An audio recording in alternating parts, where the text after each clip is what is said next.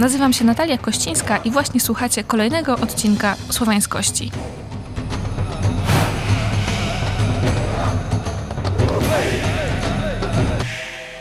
Jakiś czas temu obiecałam Wam odcinek o moich ulubionych słowiańskich książkach. Zbierałam się do niego trochę, zastanawiałam się długo, jakie tytuły powinny się znaleźć na takiej liście, ale ostatecznie okazało się, że nie da się takiej listy zrobić.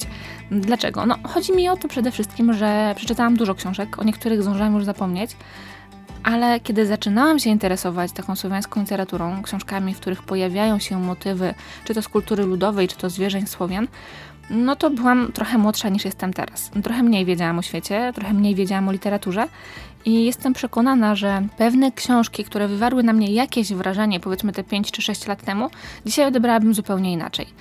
No ale nie mam też czasu wracać do tych książek, dlatego że pojawia się coraz więcej nowych i zresztą też mam straszliwe, straszliwe braki w tym temacie.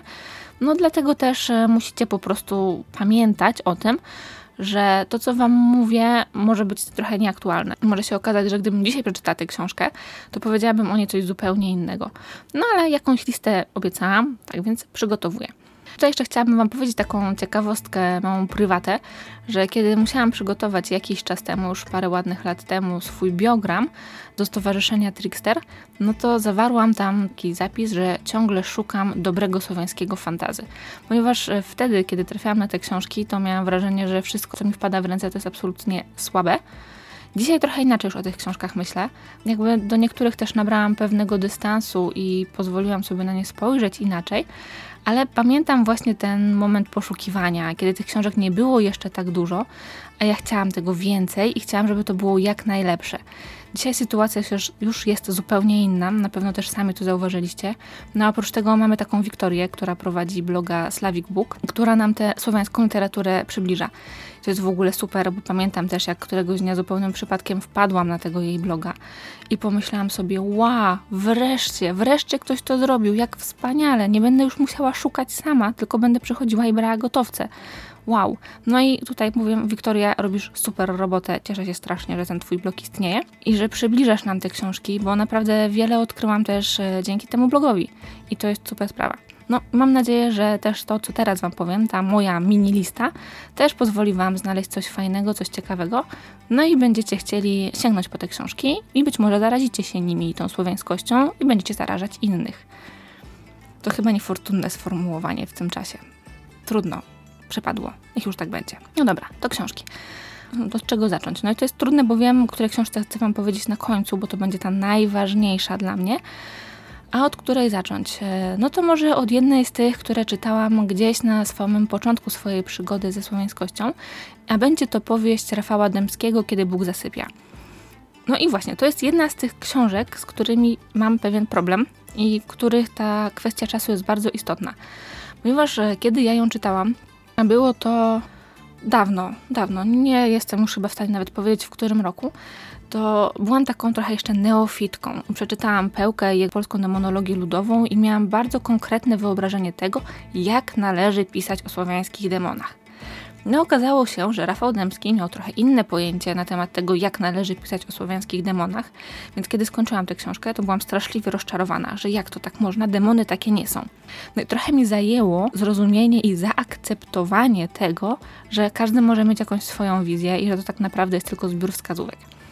Ale jeżeli chodzi o samą książkę, mówi ona o czasach e, po śmierci króla Mieszka II, kiedy w Polsce panuje chaos to jest dobre słowo. Jest wojna, są chrześcijanie, są poganie, no generalnie straszliwa jadka. No i właśnie o takiej jadce, o wojnie ta książka nam opowiada. Jest ona bardzo ciekawa, jest brutalna bardzo i na to zwracam uwagę przede wszystkim, no ale wspominam ją właśnie też z tego powodu, że to była jedna z tych pierwszych, o których zaczynałam. Gdzieś w tym samym czasie też czytałam Strzygonie Sławomira Mrugowskiego, swoją drogą nie wiem dlaczego nie pojawiła się nigdy kontynuacja, i wiele innych takich książek właśnie w klimacie historii alternatywnej. Zresztą jedną z lepszych, które bardzo mi się podobały, było Słowo i Miecze Witolda Jabłońskiego, gdzie również mieliśmy przedstawioną historię, ale z uwzględnieniem tej mocy nadprzyrodzonej z tych wszystkich pogańskich różnych stworzeń. U Dębskiego te demony są ciekawe dlatego że on ich nie uczłowiecza. Z jednym wyjątkiem, ale to jest mały spoiler, więc już nie będę na ten temat mówić. Te demony są krwiożercze, brutalne. Ich jedynym celem w życiu jest zabijanie. Ale nie tak naprawdę, żeby zabijać, znowu z pewnym wyjątkiem, ale też nie będę tutaj do końca zdradzać, tylko chodzi im o to, że one są po prostu do tego stworzone. One się karmią strachem, krwią i tak dalej, więc muszą, muszą po prostu zabijać. Pojawia nam się też wątek klątwy i tego, kiedy człowiek staje się demonem i to w ogóle można tutaj potraktować bardzo metaforycznie, bo jak zresztą głosi napis na okładce, kiedy Bóg zasypia, budzą się demony. Tak, to jest zdecydowanie mroczna książka, ale ciekawa i myślę, że możecie też po nią sięgnąć, zwłaszcza, że w ostatnim czasie pojawiła się chyba kontynuacja. To też jest ciekawe. Kolejny tytuł, który sobie wybrałam na dzisiaj i który w ogóle lubię wybierać, kiedy omawiam na prelekcjach właśnie Dębskiego, to zestawiam go często z powieścią Marty Krajewskiej Idź i czekaj mrozów. Dlatego, że, no jak już zdążyłam Wam powiedzieć, dla mnie bardzo ważne jest to, w jaki sposób te demony są przedstawiane. No te demony słowiańskie to też jest taki mój konik, bardzo mnie one interesują. No i u Krajewskiej one są inne, one są zupełnie inne. Owszem, pojawiają się takie krwiożercze, brutalne, które nie mają właściwie żadnej, absolutnie żadnej refleksji nad swoim życiem, ale w wielu przypadkach jest tam coś więcej. I to jest dla mnie bardzo ciekawe, w jaki sposób uczłowieczamy te demony. I one takie trochę są właśnie u Krajewskiej w Idź i czekaj mrozów i w kolejnej części. I zawsze to mnie najbardziej tam zadziwia i zastanawia właśnie ta kreacja postaci demonicznych. Ale w ogóle powieść Krajewskiej jest też dla mnie o tyle fajna i wyróżniająca się spośród wielu innych, dlatego że tam mamy zupełnie nowy, stworzony świat. Ja sobie w ogóle zrobiłam kiedyś taką w głowie typologię książek słowiańskich i dzielę je właśnie na, na takie powiedzmy podkategorie. Mamy tam wspomniane już historie alternatywne, mamy już e, powieści współczesne, fantastyczne, o których jeszcze też za chwilę powiem, które jest wiele. No i oprócz tego jest ta trzecia kategoria, gdzie czas i miejsce akcji są czymś nowym, nieokreślonym. To nie jest miejsce, które znamy z historii bądź też z geografii, tylko stworzone przez, e, przez autora. I właśnie taki świat mamy u Krajewskiej, co dla mnie jest akurat bardzo dużym plusem, zwłaszcza kiedy naczytałam się już tych historii alternatywnych e, i czasów za pierwszych piastów i miałam tego serdecznie dosyć. I naprawdę ta powieść zrobiła na mnie duże wrażenie. No oczywiście to, na co będę narzekać i, i to przy każdej powieści już Wam powiem, to wątki romantyczne, dlatego że ja osobiście nie znoszę wątków romantycznych i gdyby tylko się dało, to bym połowę z nich wszędzie powycinało, ale trudno. Pozostałe rzeczy były fajne, więc wątek romantyczny również byłam w stanie przeżyć. A jeżeli mówimy o wątku romantycznym, to koniecznie też muszę wspomnieć o cyklu Kwiat Paproci, który zaczyna się powieścią Szeptucha autorstwa Katarzyny Bereniki-Miszczuk. I to też jest ciekawa rzecz, bo na tę książkę ja również trafiłam całkowitym przypadkiem. To znaczy przechodziłam koło księgarni i mówiłam, wow, ale fajna okładka, taki warkosz, no jest takie trochę ludowe. No i spojrzałam na tę książkę mówię, wow, ona nie tylko jest trochę ludowa, ale ona jest totalnie zanurzona w słowiańszczyźnie. Rewelacja. No i kupiłam. No i wciągnęło mnie, mimo że jest to romans. I wciąż uważam, że gdyby nie było tego romansu, to książka byłaby lepsza. Ale tak jak wspominałam, to jest tylko i wyłącznie moje zboczenie. Co mi się podoba u, u Miszczuk w tym jej cyklu? Przede wszystkim kreacja świata. Ja kiedyś chciałam zrobić taką prelekcję, żeby obalić tę wizję i powiedzieć, że nie, to jest w ogóle jakaś głupota.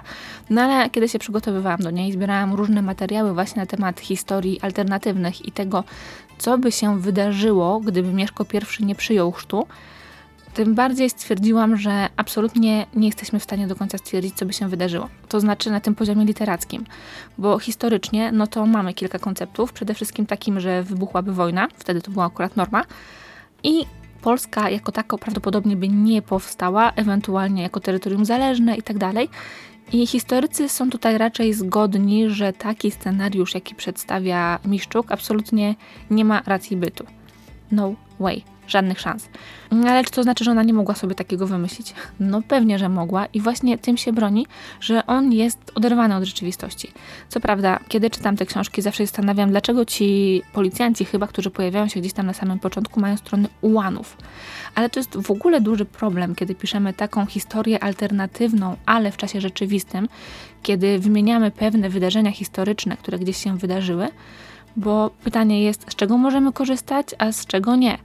i często pisarze się gdzieś tam na tym nacinają, ale też coś ciekawe, poza kilkoma takimi rzeczami właśnie ekspozycyjnymi i jeszcze związanymi z, z Rosją, to też zwróciłam uwagę, generalnie Miszczuk raczej nie opisuje szerokiego świata, a raczej skupia się na tym, co dotyczy Gosławy i jej przygód. Mamy Kielce, mamy te Bieliny, te, te małe, małe terytoria, nawet ta Warszawa, ale one nie rozciągają się na cały świat. W związku z czym mamy jakąś ekspozycję tego świata, ale nie wiemy, jak ta okolica funkcjonuje w kontekście reszty świata, tak naprawdę. No i to jest ciekawe, i ja myślę, że to jest w ogóle bardzo fajny zabieg w, w tej powieści. I bardzo mi się podoba to, jak ten świat Miszczuk stworzyła. Podobają mi się te demony, które tam sobie latają w tej i nazad, przychodzą w odpowiednich momentach, znikają, funkcjonują normalnie w społeczeństwie. Super sprawa. I właśnie dla tej konstrukcji świata również książki Katarzyny Bereniki Miszczuk ja osobiście polecam. Kolejna rzecz, która zrobiła na mnie naprawdę ogromne wrażenie i która jednocześnie jest strasznie smutną sprawą. Jest to książka Żelazny Kostur Juraja Czerwanaka i jest to pierwszy tom cyklu Bohater. No i tutaj dochodzimy do tego, dlaczego to jest strasznie smutna sprawa, ponieważ ten cykl, jeżeli dobrze pamiętam, miał trzy części. W Polsce przetłumaczono i wydano dwie. Dokładnie taki sam los spotkał drugi cykl Czerwanaka, czyli Czarnoksiężnik, o którym wspominałam Wam przy okazji odcinka o wierzeniach Słowian, bo Czarnoksiężnik również ma trzy części, ale w Polsce mamy wydane tylko dwie. I co gorsze, z czego się dowiedziałam, szanse na wydanie tych pozostałych tomów, no właściwie ich nie ma. Bardzo, bardzo mnie to smuci, bo te książki zrobiły na mnie duże wrażenie. One są takie, jak jest to napisane nawet na, lubimy czytać, napisane z rozmachem. Tak, właśnie takie są. I to mi się w nich podoba. W przypadku Żelaznego Kostura mamy opowieść o Ili Muromcu, czyli jednym z takich właśnie tradycyjnych ruskich bohaterów. I jest to super. I ja w ogóle chciałabym Wam powiedzieć o tej książce dużo, ale jednocześnie nie chcę powiedzieć nic, żeby Wam nie psuć czytania, bo uważam, że naprawdę warto też po tę książkę sięgnąć, dlatego że tam oprócz takich typowo słowiańskich rzeczy pojawiają nam się zupełnie jeszcze inne, jakieś obce kultury. One tam się w ogóle mieszają pięknie. I wow, to naprawdę zrobiło na mnie duże, duże wrażenie. I też duże wrażenie, jeżeli chodzi o tę książkę, zrobiła na mnie szata graficzna. To, w jaki sposób ona w ogóle została wydana. Jest naprawdę piękna. No ale co z tego, skoro niepełna. z tego nie mogę, nie mogę tego niestety przeżyć i, i bardzo żałuję. To, co podobało mi się w Żelaznym Kosturze, to fakt, że fabuła nie była zdominowana przez magię i inne fantastyczne stworzenia. One tam się pojawiały, pojawiała się magia, pojawiały się nadprzyrodzone istoty, wszystko ok, ale jednak głównymi bohaterami pozostawali ludzie. Super, bardzo mi się to podobało i podobało mi się książę Świętosław. Ale wam nie powiem, jak jest opisane, zobaczcie sami, naprawdę warto, tak mówię. A, i jeszcze jeden plus tej książki, tam wątek romantyczny jest taki naprawdę malutki i jest ok. I malutkie wątki romantyczne są w porządku. I w ogóle tak jak opowiadam Wam o tej książce, to przypomniał mi się jeszcze pewien film, który widziałam. To jest w ogóle film na podstawie książki. Książka nosi tytuł Wilczarz Marii Siemionowej i w ogóle mówi się o tym, że to jest właśnie jedna z takich pierwszych książek, które opowiadałyby o takich słowiańskich motywach. Ja osobiście nie znalazłam tam zbyt wielu takich motywów i książka podobała mi się tak sobie, ale Film był rewelacyjny. Film nosi tytuł Wołkodaw, ostatni z rodu szarych psów i jest piękny. On w ogóle, z czego słyszałam, powstał jako rosyjska odpowiedź na Władcę Pierścieni i widać, że twórcy chcieli zrobić coś takiego właśnie z rozmachem, wielkiego, rewelacyjnego, takiego, żeby spojrzeć na to i powiedzieć wow, i nawet co im się udało. Ja w ogóle ten film też znalazłam przypadkiem. Wiele rzeczy znajduję przypadkiem, dlatego że miałam fazę w swoim życiu po kolejnym obejrzeniu Ogniem i Mieczem na oglądanie filmów z Aleksandrem Dmugarowem. No i on tam też występuje w jednej z pomniejszych ról. I kiedy znalazłam ten film, to naprawdę miałam takie wow, ekstra. Nie wiedziałam, że coś takiego jest i, i to bardzo mi się podobało. I też jeżeli będziecie mieć wolną chwilę, a teraz tych chwil podobno mamy wszyscy znacznie więcej, no to polecam serdecznie, żeby znaleźć ten film e, i go sobie obejrzeć, bo to też jest ciekawa rzecz. Mimo, że ta słowiańskość tam nie ma jej za dużo jest jej troszeczkę, jak ktoś by się uparł, no to jednak cały ten film to fantastyczna historia, fantastyczna w sensie fantazy robi wrażenie i jest, jest ciekawa. I też podoba mi się bardziej od książki jakby rozwiązanie tej całej historii. Niestety w filmie jest więcej romantyzmu niż w książce, No ale są inne rzeczy, które mi to akurat zrekompensowały, więc to też, też Wam polecam. W ogóle tych książek słowiańskich jest naprawdę bardzo, bardzo dużo i czasami ja nawet nie pamiętam już wszystkie, które przeczytałam, ale to nie problem, że będę robiła kolejne książki, czyli moje ulubione słowiańskie książki, o których zapomniałam w poprzednim odcinku. Myślę, że jest to, jest to jakiś pomysł. A na koniec zostawiłam sobie jedną książkę, w której się całkowicie zakochałam. Kiedy jeszcze prowadziłam bloga, takiego o wszystkim i o niczym, napisałam o tej książce tak. I tutaj Wam zacytuję, bo jestem bardzo, bardzo dumna z tego, z tego fragmentu. Brzmiało to tak. Są książki, które kradną duszę, wgryzają się w nią po kawałku i odrywają je z każdym przeczytanym słowem. Czasami robią to w rytm zapomnianych ludowych melodii. I ja tak totalnie to czułam. Przeczytałam tę książkę i nie mogłam sobie znaleźć miejsca w ogóle nigdzie w życiu. Oberki do końca świata Wita Szostaka to nie jest dobra książka. Ona jest wspaniała, jest cudowna, magiczna, nostalgiczna, jest najlepsza na świecie. To jest opowieść o tęsknocie.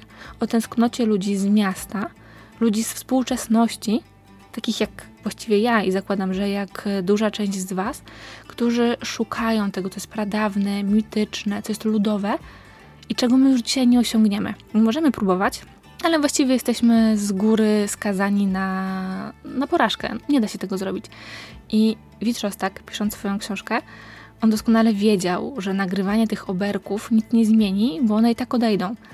Że ci bohaterowie książki, którzy tam jeździli regularnie, żeby nagrywać tę muzykę ludową, żeby ją zbierać, że to niczego, absolutnie niczego nie zmieni, dlatego że te oberki odejdą razem z ludźmi, którzy je grają, a my, miastowi, współcześni ludzie, zostaniemy z tą swoją tęsknotą i z tym niezrozumieniem tego świata, który odszedł bo my nie możemy go już zrozumieć, bo my nie mamy do niego praw, to nie jest nasz świat. Ta książka bardzo mocno mnie uderzyła, bo też trafiłam na nią właśnie w takim momencie totalnej fascynacji ludowością, takiej naprawdę ogromnej, powiedziałabym trochę, może lekko radykalnej. I ona była tak jak napisana właśnie dla mnie w tym momencie. I jeżeli moglibyście wybrać jedną książkę związaną z ludowością, z kulturą ludową, ze słowiańszczyzną, to wybierzcie tę, naprawdę. Pozwolę sobie jeszcze przeczytać Wam fragment, który zresztą też e, cytowałam na, na blogu, bo wydaje mi się, że ona jest e, najbardziej kluczowa. To jest w ogóle przepięknie napisana książka, rytmicznie, no wszystko po prostu, mogłabym się na nią zachwycać tak naprawdę cały czas, bo jest, bo jest po prostu piękna. No i posłuchajcie, posłuchajcie tego fragmentu. Minęły czasy nie tylko muzykantów. Kończy się czas wsi, tylko ta o tym jeszcze nie wie. Byli muzykanci, lecz poumierali. Czy kto pamięta ich twarze, pamięta jak grali? Dziś są dawni muzykanci niepotrzebni w świecie. Was świat też nie potrzebuje, lecz tego nie wiecie. Niech los smutny muzykantów będzie wam przestrogą. Świat omija małe wioski, pędzi swoją drogą przyznacie, że jest to po prostu piękne. I naprawdę z tą książką chciałabym Wam zostawić i w ogóle chciałabym strasznie, żeby wszyscy, wszyscy ją przeczytali, bo Oberki do końca świata to jest naprawdę coś niesamowitego i naprawdę chwyta za duszę.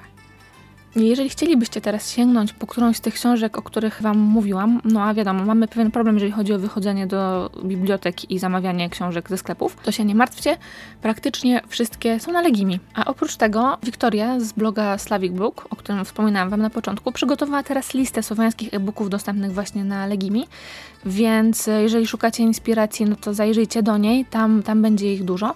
Jedynym wyjątkiem są tutaj książki Czerwanaka. Ich na Legimi nie ma, a przynajmniej ja ich nie znalazłam, ale jeszcze sprawdzę. A nie, jednak jest. Wpisywałam wcześniej źle nazwisko. Tak jest, więc także i Czerwanaka znajdziecie na Legimi. No, więc fajnie, to by oznaczało, że naprawdę wszystkie, o których mówiłam, możecie tam znaleźć i możecie się z nimi w wolnej chwili zapoznać. A jeszcze na sam, sam koniec mam dla Was jedno ogłoszenie. Pewnie już widzieliście na Facebooku i u mnie, i u Wiktorii, i w Muzeum Mitologii Słowiańskiej, Zapraszamy Was do konkursu. Możecie zrobić swoje własne słowiańskie słuchowisko. Macie już polecaną całą masę książek. Ja kilka Wam teraz podrzuciłam, więcej znajdziecie u Wiktorii, więc wybierzcie jeden z tych tekstów albo napiszcie swój i nagrajcie krótkie 7-minutowe słuchowisko, a potem wyślijcie na adres do Grodziska Owic. Wszystkie informacje, szczegóły znajdziecie na Facebooku Muzeum Mitologii Słowiańskiej dokładny adres, na który należy wysyłać przygotowane słuchowiska, jakie są nagrody, a nagrody są naprawdę fajne, no i do kiedy macie na to czas. No więc co, mikrofony w dłoń, wystarczą telefony, telefonem też się da fajnie nagrywać. I co? I robicie słuchowiska, a ja potem będę je wszystkie słuchać. Ła, ekstra. No i teraz z tym ogłoszeniem Was zostawię, żebyście myśleli, co nagrać, co przygotować i jak to zrobić, żeby to było fajne. A ja idę do swoich spraw. Trzymajcie się ciepło, czytajcie dużo książek, słuchajcie audiobooków. No a my słyszymy się za tydzień. Do usłyszenia. Cześć.